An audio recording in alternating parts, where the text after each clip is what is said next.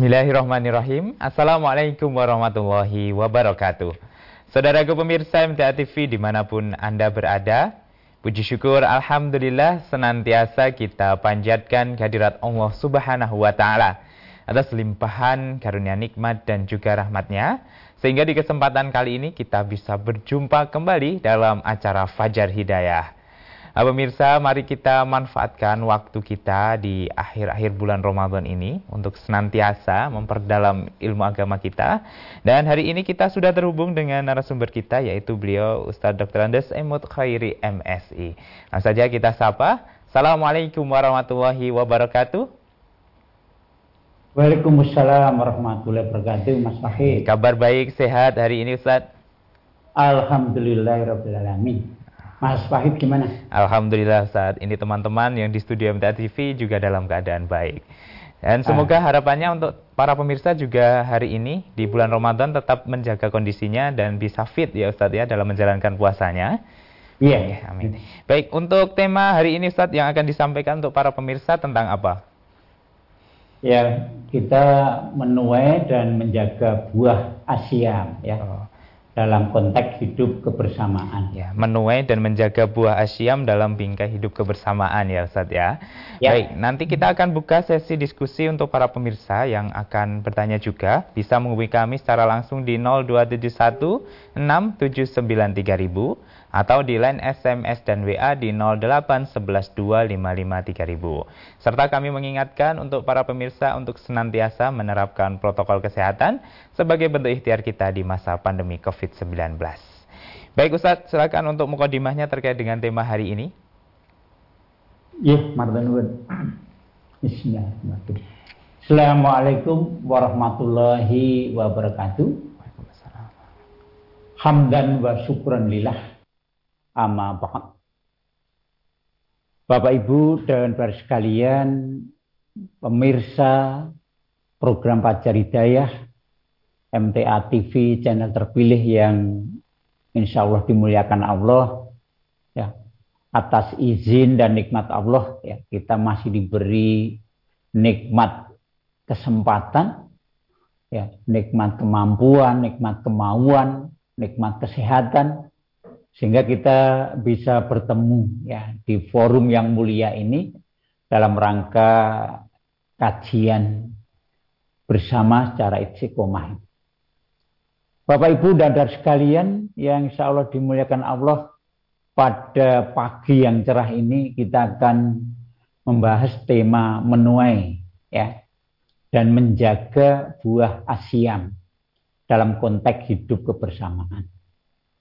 Menuai artinya kita sudah e, menanamnya ya selama satu bulan ini ya. Kemudian hari ini akan kita coba untuk menuai ya, memanen apa yang sudah kita lakukan. Nah, kemudian nanti kita akan e, polo api ya dengan jalan menjaga meningkatkan ya kualitas apa yang sudah kita lakukan itu eh, di hari-hari mendatang. Ya. Bapak Ibu dan saudara sekalian yang insya Allah dimuliakan Allah, ya, tidak terasa hampir ya kita mencapai finish ya, hari akhir dari asaum Ramadan kita. Ya. Satu sisi kita bahagia, senang bahagia karena kita sudah eh, hampir menyelesaikan tugas wajib kita ya. Tetapi satu sisi kita merasa sedih karena kita akan meninggalkan suatu bulan yang penuh dengan status ya. Bulan penuh berkah ya, bulan penuh ampunan, bulan penuh tarbiyah ya. Sampai di situ dikatakan syahrullah yaitu bulannya Allah karena Allah betul-betul pada bulan ini memberi penghargaan, ya, memberi apresiasi kepada eh, orang-orang uh, yang melakukan atau melaksanakan asaum Ramadan. Sampai dikatakan la hulufu min fahmi imin atyabu indallahi min rihil mis. Bahwa Allah eh, sungguh Allah akan ya menjadikan bau mulut seorang yang berpuasa ajabu lebih toyib, lebih harum di sisi Allah daripada minyak kasturi. Ya. Dan Allah juga berjanji bahwa Allah akan memberi pahala secara langsung ya kepada orang-orang yang melakukan amalan asom ini. Kulu amali bni adama lahu illa syam fa innahu li wa ana ajzibih. Ya. Oleh sebab itu Bapak Ibu dan sekalian mari kita bahas ya materi yang kita rencanakan ya sebagai tema pada pagi hari ini. Dan mudah-mudahan nanti kita betul-betul bisa mengambil pelajaran ya buah yang harusnya idealnya muncul pada pengamalan diri kita, kemudian apa yang sudah kita prestasikan itu kemudian kita jaga, kita kawal ketat sehingga kita tetap menjaga secara istiqomah. Ya. Baik, Bapak Ibu dan sekalian, ya. Pertama kita lakukan muhasabah, artinya renungan terhadap eh, tema yang kita bahas pada pagi hari ini. Yang pertama Bapak Ibu dan saudara sekalian ya bahwa sudah kita lakukan ya tahapan-tahapan dari proses ya pelaksanaan asyam atau asom Ramadan. Ya. Yang pertama dulu kita rencanakan dulu. Ya, setelah kita mengetahui informasi tentang syariat asom Ramadan, kemudian kita persiapkan ilmunya, kemudian kita persiapkan rencana programnya. Yaitu kita targetkan asaum Ramadan dengan aktivitas-aktivitas yang mendukung. Yang kita usahakan, ya kita rencanakan betul-betul menjadi suatu rencana program yang solid, yang terintegrasi, yang bisa kita realisasikan sehingga saling mendukung antara program asaum Ramadan dengan program-program pendukung. Kemudian setelah itu kita implementasikan, artinya kita realisasikan, kita amalkan pada uh, bulan Ramadan itu apa yang sudah kita programkan. Ya, kita sering mendengar ya, plan your do and do your plan. Ya, rencanakan apa yang akan kamu lakukan dan lakukan atau laksanakan apa yang sudah kamu rencanakan. Kemudian setelah itu proses berjalan kita lakukan kontrol, evaluasi ya sehingga setiap hari ya, kita bisa lakukan kontrol kemudian kita perbaiki kemudian kita amalkan atau kita laksanakan lagi ya. Dari terapi itu diharapkan setiap saat nanti kita akan senantiasa meningkat sehingga ya di akhir Eh, bulan Ramadan itu sebagai the peak conditionnya, sebagai kondisi puncak dari program eh, aktivitas atau amalan yang kita rencanakan pada bulan Ramadan. Maka diharapkan ya hari ini sudah mulai eh, menuju ke puncaknya, sehingga ya diharapkan program-program itu akan sudah akan kelihatan hasilnya. Kita lihat nanti dari indikatornya. Baik, kita lanjutkan Bapak Ibu dan sekalian ya. Nah, yang pertama dulu kita programkan bahwa kita tidak hanya sekedar puasa ya secara umum ya, tetapi puasa totalitas. Kalau puasa umum itu hanya ibago saya nisa, hanya tiga. Menahan diri dari makan, minum, dan Eh, termasuk merokok dan jima. Itu sebenarnya hanya menahan dua kehendak, dua nafsu dari organ tubuh kita, yaitu organ tubuh lesan dan organ tubuh farji. Maka yang betul mari kita lakukan puasa secara totalitas. Ya, betul-betul semua organ tubuh kita kita puasakan. Mulai dari lisan. Lisan tidak hanya makan minum, tetapi Bagaimana lisan bisa kita puasakan sehingga terkontrol betul apa yang diproduk lisan dalam bentuk ucapan. Sehingga ucapan yang selalu keluar dari lisan kita senantiasa ucapan yang benar, bukan ucapan yang dusta, ucapan yang baik penyajiannya, ucapan yang menyasar, ucapan yang berbobot, ucapan yang membekas. Ya. Sehingga kita betul-betul bisa mendidik mentarbiah lesan sehingga menjadi lesan yang mendukung kita untuk berprestasi di hadapan Allah melalui produk-produk lesan kita. Parji juga atau kemaluan juga kita puasakan ya. Kemudian mata, telinga, otak, hati semuanya kita puasakan.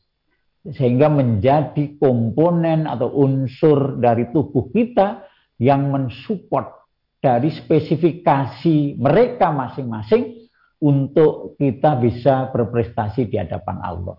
Bahasa mudahnya yaitu masing-masing memproduk amal soleh. Ya.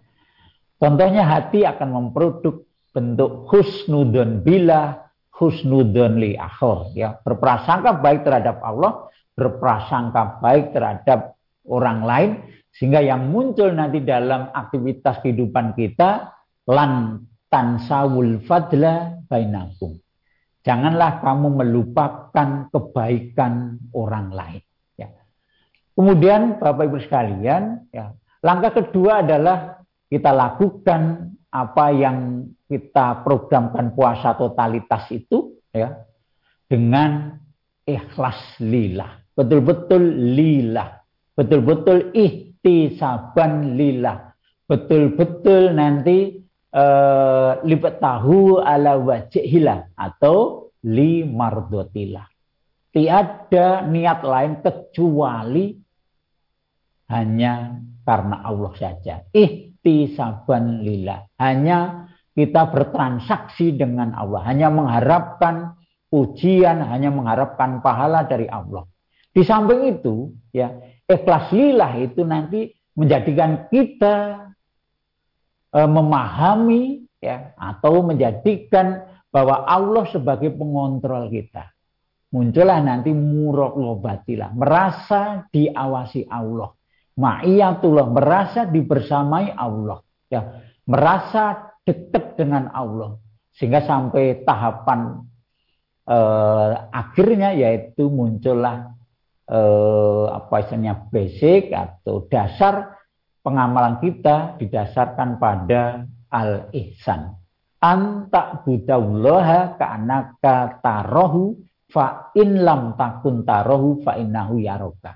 Kamu melakukan suatu aktivitas ibadah eh, seolah-olah kamu melihat Allah. Jika kamu tidak melihat Allah dan memang tidak mampu melihat Allah, maka yakinilah bahwa Allah melihatmu. Inilah dasar yang harus kita lakukan dan puasa itu ya menurut tafsir Al-Manar juga memang betul bahwa puasa itu ikda dan li nafsih wa tahiyatallaha li taqwallah kemudian bil muraqabati wa tarbiyatul iradah.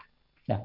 Kemudian selanjutnya Bapak Ibu sekalian setelah ikhlas lillah kemudian kita itiba'ur rasul. Sehingga apa yang kita lakukan dalam puasa itu betul-betul itiba mengikut mencontoh uh, Rasulullah bagaimana Rasulullah bersaum. Ya sehingga insya Allah nanti ada nilai sunnahnya. Baik mulai dari kita niat kemudian kita melakukan sahur diakhirkan buka diawalkan sampai tahapan-tahapan kita dalam berbuka itu semuanya diniatkan karena itiba'ur rasul atau mencontoh rasul.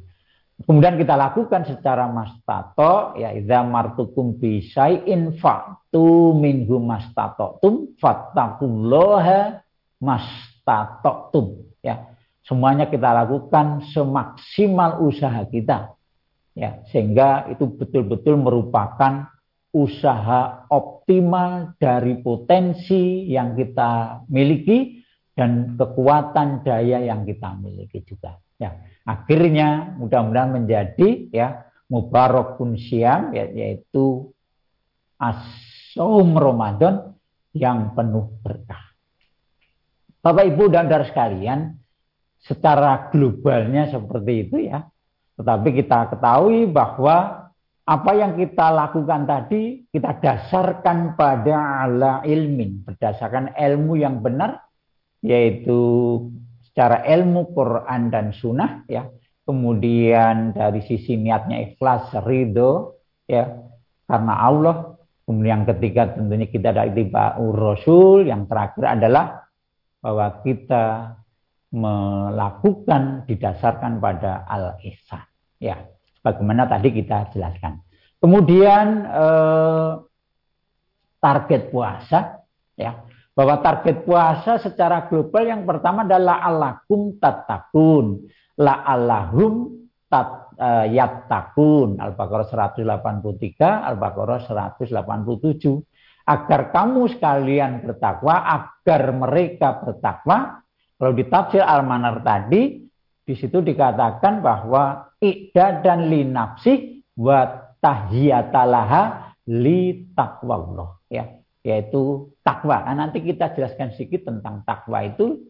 Kemudian bahwa target puasa kita bagaimana mengoptimalkan ya kesempatan untuk beribadah ya pada bulan Ramadan itu sebagai ya sarana untuk meraih derajat ketakwaan. Nah, kemudian tentunya ya di dalam as-saum ini ya, as-saum Ramadan itu nanti ada target yang terkait dengan akhlak dan ada target yang terkait dengan asasiantul adim atau kepribadian yang agung. Baik, mari kita bahas agak detail dari masing-masing itu. Takwa Bapak Ibu dari sekalian, ya, ada tiga makna yang sering kita dengar, kita bahas bahwa at-takwa itu bermakna at-to'at, yaitu ketaatan kita kepada perintah Allah baik itu bentuknya menjalankan perintah ya. Kemudian yang kedua nanti adalah menghindari e, suatu larangan yang kita sebut nanti al khosyah yaitu sikap rasa takut kita untuk melakukan suatu perbuatan yang dilarang oleh Allah. Kemudian sikap toat dan sikap rasa taut, rasa takut kita realisasikan secara ekstra hati-hati ya dengan al-hadir ya bagaimana e, ketika Umar bin Khattab saat itu bertanya kepada Ubay bin Ka'ab ya apa itu takwa kemudian Ubay bin Ka'ab justru balik bertanya ya pernahkah ya Anda itu melalui suatu lorong atau jalan yang di situ banyak durinya. Kemudian Umar mengatakan, ya pernah. Apa yang Anda lakukan? Ya saya berhati-hati sehingga saya tidak terkena duri. Kemudian UP bin Ka'ab menjawab, itulah takwa yang sebenar-benarnya. Takwa ada kata ekstra hati-hati, ekstra serius dalam rangka merealisasikan ketaatan dan merealisasikan rasa takutnya ya. Maka itulah takwa muncul rasa taat takut hadir menjadikan lebih dekat lebih mencintai lebih bahagia bersama Allah ya. Kemudian taat yang kafah itu seperti ini. Nah ini ayat-ayatnya yang sudah kita sering kenal Bapak Ibu ya bahwa kita taat itu Ketika kita melakukan suatu aktivitas, apalagi ibadah, betul-betul berdasarkan dalil. Ya, kita tidak boleh e, mendahului Allah dan Rasulnya. Ya ayyuhalladzina amanu la tuqaddimu baina yadayillahi war rasulih ila ayat. Ya, bahwa betul-betul apa yang kita lakukan itu e, sesuai dengan dasar perintah yang Allah berikan. Wala ta'fu ma laisa bihi ilmun ina sam'a wal absoro wal fu'ada. Ya wal basoro wal fu'ada. Kulu ulaika kana anhu mas'ula. Ya atau merupakan bentuk uh, ungkapan sami'na wa atokna.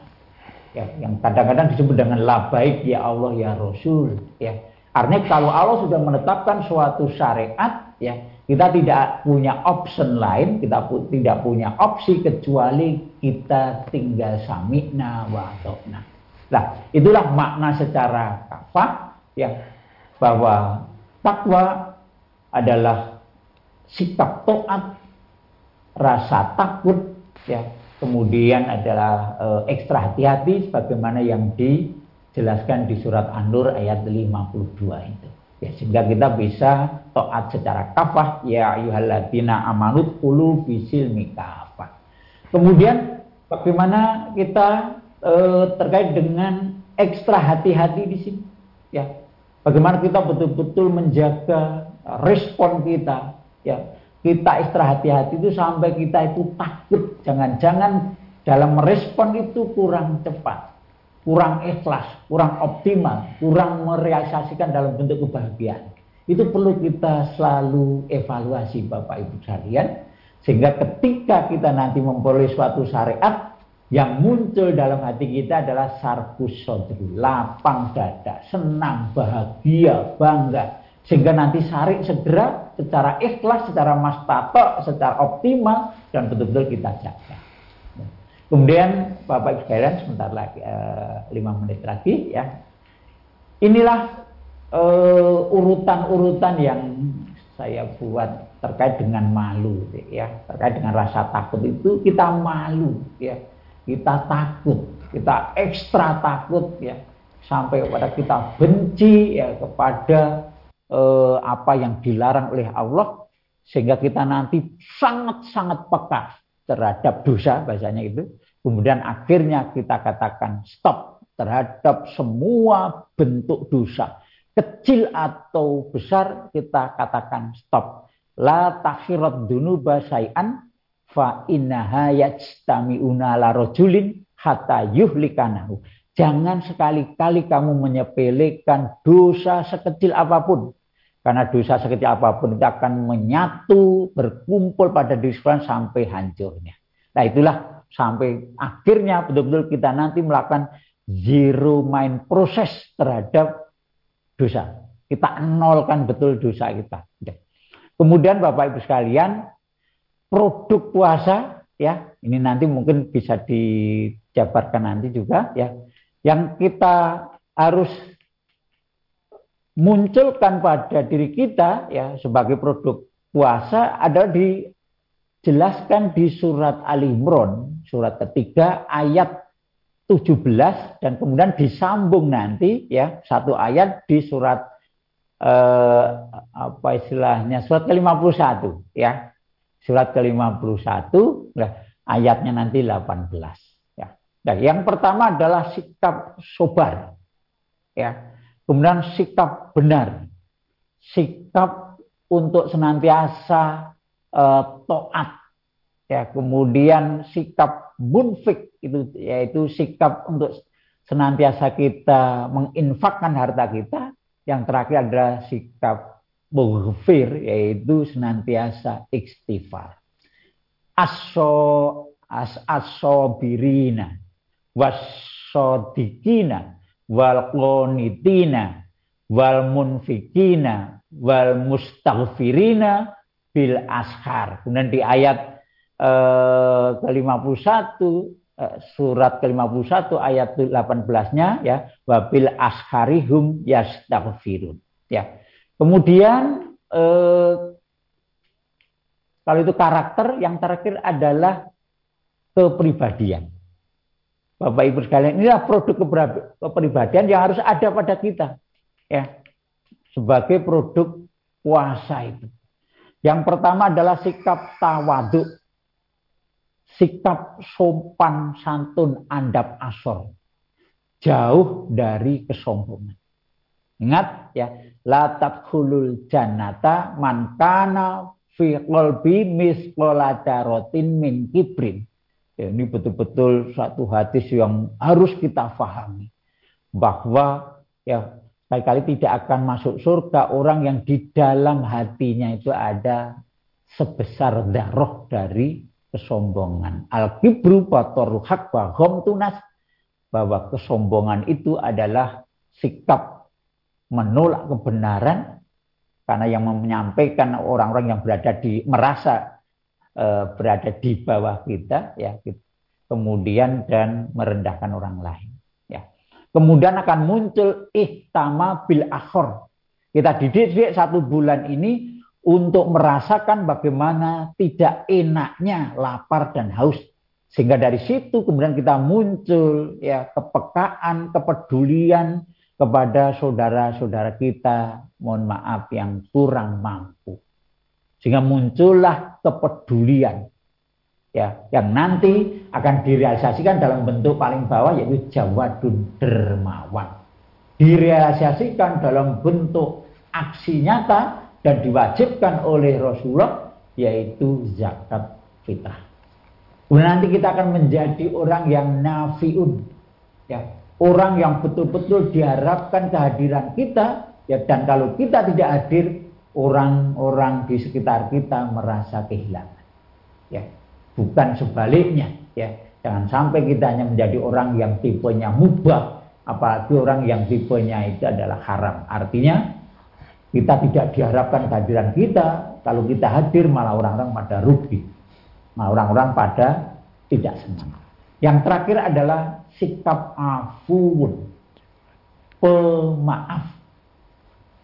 Dari sikap sobar yang kita didik satu bulan itu kita betul-betul menahan emosi, menahan temperamen kita sehingga kita kadimul gaib kita bisa menahan marah ya.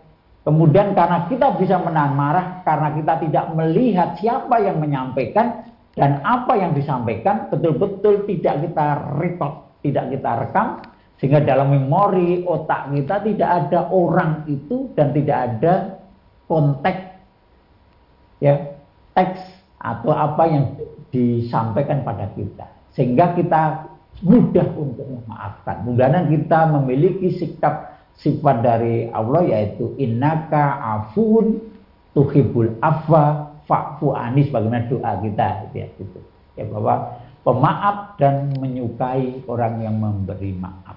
Nah, dua ini Bapak Ibu sekalian sebagai buah asyam dan baik itu karakter militan dan pribadi militan itu sebagai sifat ashabul jannah penghuni surga. Nah, mudah-mudahan kita bisa e, mencapai menuai e, produk ini dan mudah-mudahan kita nanti bisa jaga sampai akhir hayat kita dan betul-betul netes pada yaumul hisab sehingga mengantarkan kita meraih uh, surganya Allah. Amin. Nah, Amin. Mudah-mudahan kita termasuk yang beruntung ya sehingga kita bisa merealisasikan produk asom pada bahasan pagi hari ini. Ya.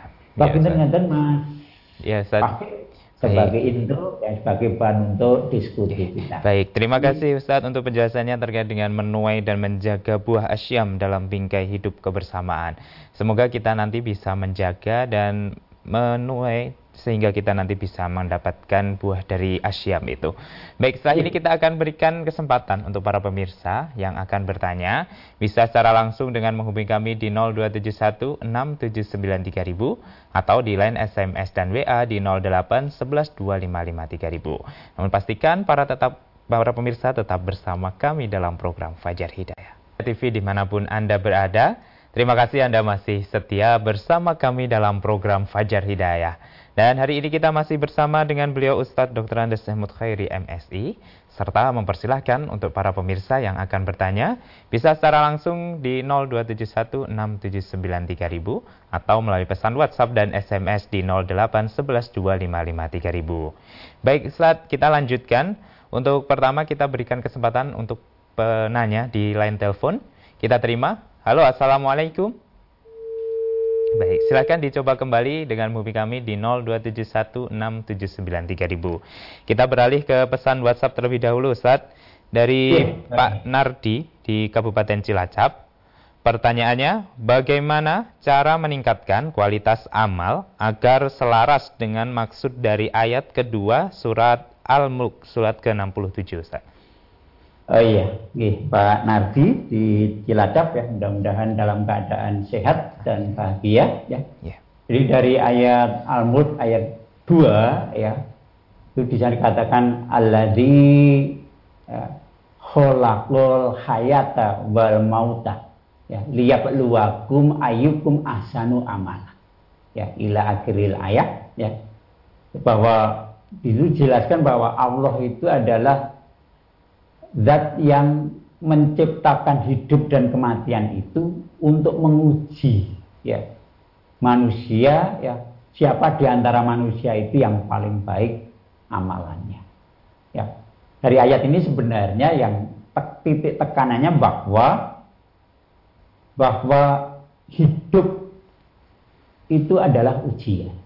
Setiap aktivitas hidup termasuk mati itu merupakan suatu bentuk ujian yang Allah berikan pada kita. Maka kita harus pahami nanti bahwa setiap aktivitas yang kita hadapi dalam kehidupan ini termasuk nanti mati itu harus kita sikapi sebagai ujian. Ya, ujian bisa bentuknya adalah ujian kesenangan ya maupun ujian yang disebut dengan ujian yang tidak menyenangkan kita, yang sering kita sebut sebagai nikmat ada sesuatu yang kita cocok, kita senang, kemudian juga e, sesuatu yang bersifat itu adalah musibah, sesuatu yang tidak kita sukai. Ya, di surat ke-21 ayat 35 dikatakan bahwa bahwa ujian itu ada dua itu, ya, bahwa sesuatu yang e, menyenangkan. Nah, bagaimana sikap kita? Nah, ini menjawab ini dulu. Bagaimana kita mensikapi menghadapi setiap aktivitas kita itu kita jadikan sebagai ujian. Ketika kita menghadapi atau menerima suatu nikmat maka kita sikapi dengan syukur. Ya. ketika kita menerima suatu musibah maka kita sikapi sebagai uh, ujian ya yang harus kita sikapi secara sabar. Maka dengan dua itu ya Bapak Ibu sekalian kita bisa menghadapi hidup itu bisa ridho.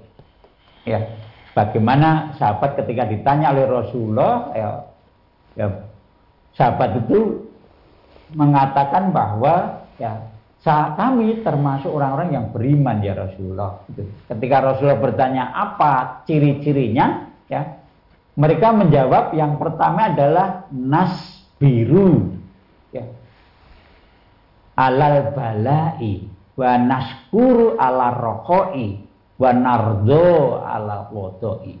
Ya Rasulullah kami bisa bersabar terhadap musibah-musibah yang datang yang diberikan Allah pada kami. Dan kami bisa bersyukur terhadap nikmat-nikmat yang kami terima. Dan kami bisa ridho terhadap semua keputusan ini. Maka dengan syukur dan sobar nanti kita akan menjadi seorang hamba yang senantiasa dalam keadaan baik pada kondisi apa pun. Ya sebagaimana yang disampaikan hadis ajaban lil amril mukmin. Sungguh menakjubkan kondisi seorang mukmin itu, ya. Inna amrohu lahu khairun. Setiap urusan yang dihadapi senantiasa menjadikan dia baik. La tajidu li ahadin illa lil mu'min ya bahwa sesuatu ini tidak akan terjadi pada seseorang kecuali hanya orang-orang mukmin. Apa itu? Idza asobat husarau sakaro fakana khairon lah. Apabila diberi suatu nikmat maka dia bersyukur. Bersyukur itu adalah al istiqmalun ni'ami lima khuliqat la ajlihi ni'am. Yaitu menggunakan nikmat yang Allah beri kepada kita untuk mendekatkan diri pada Allah gitu.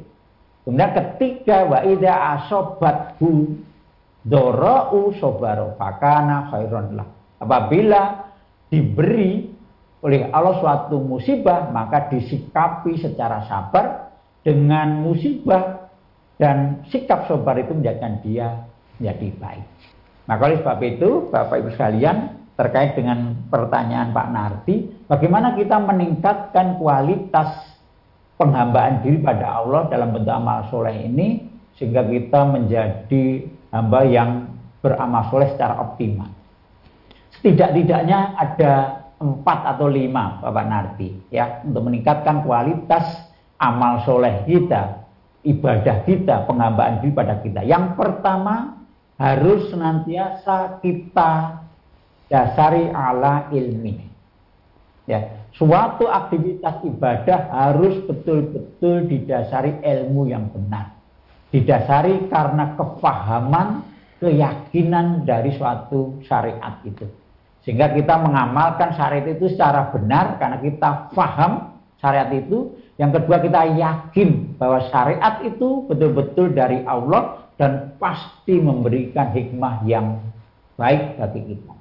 Yang kedua setelah kita ala ilmin, nomor dua itu adalah holison wabetuhiyalah. Kita lakukan secara ikhlas lillah.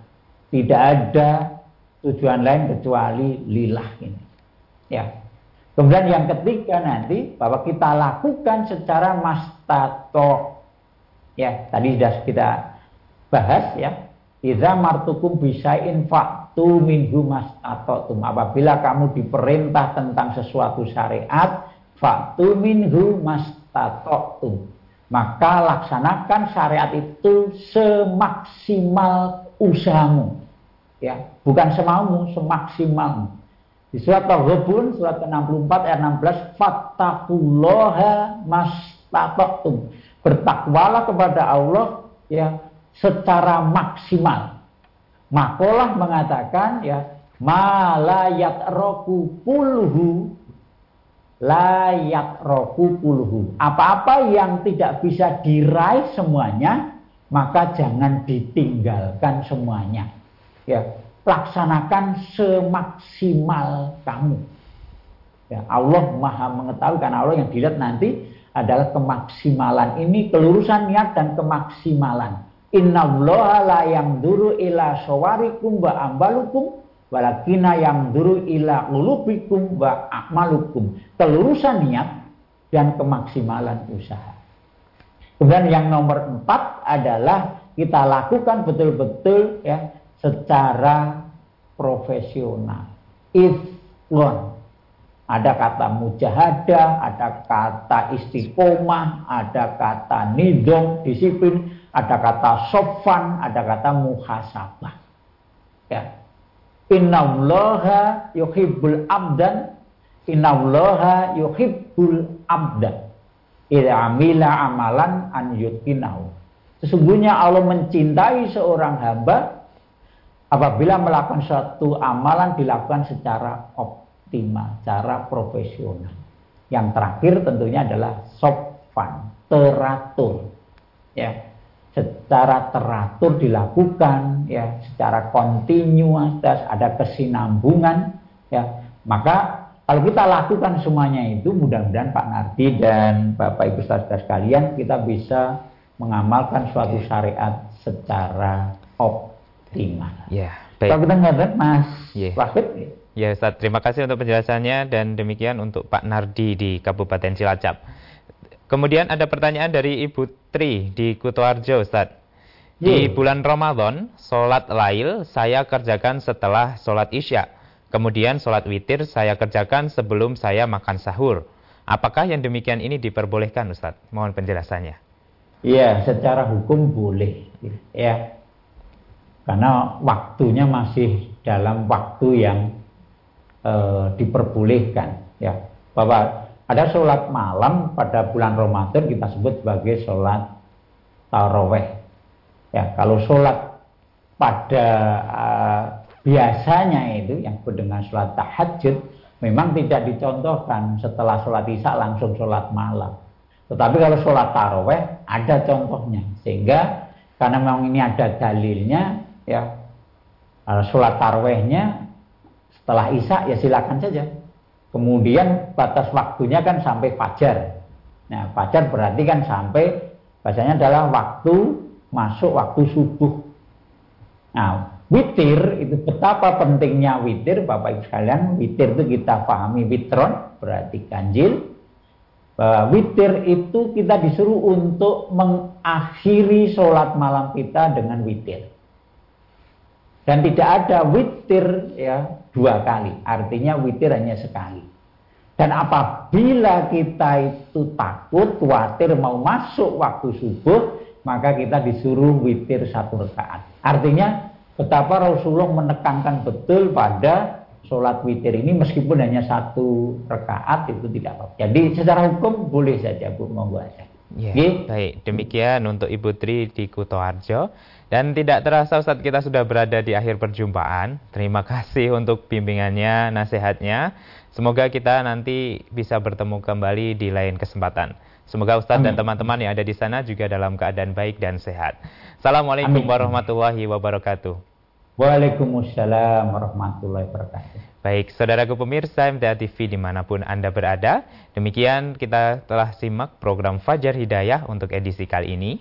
Kami mengucapkan terima kasih untuk partisipasinya, serta mohon maaf apabila ada pertanyaan yang belum sempat kami bacakan. Serta jangan lupa untuk selalu menerapkan protokol kesehatan sebagai bentuk ikhtiar kita di masa pandemi COVID-19. Akhirnya, saya Wahid Arifuddin pamit undur diri. Alhamdulillahirabbil alamin. Subhanakallahumma wa bihamdika asyhadu ilaha illa anta astaghfiruka wa atubu ilaik. Wassalamualaikum warahmatullahi wabarakatuh.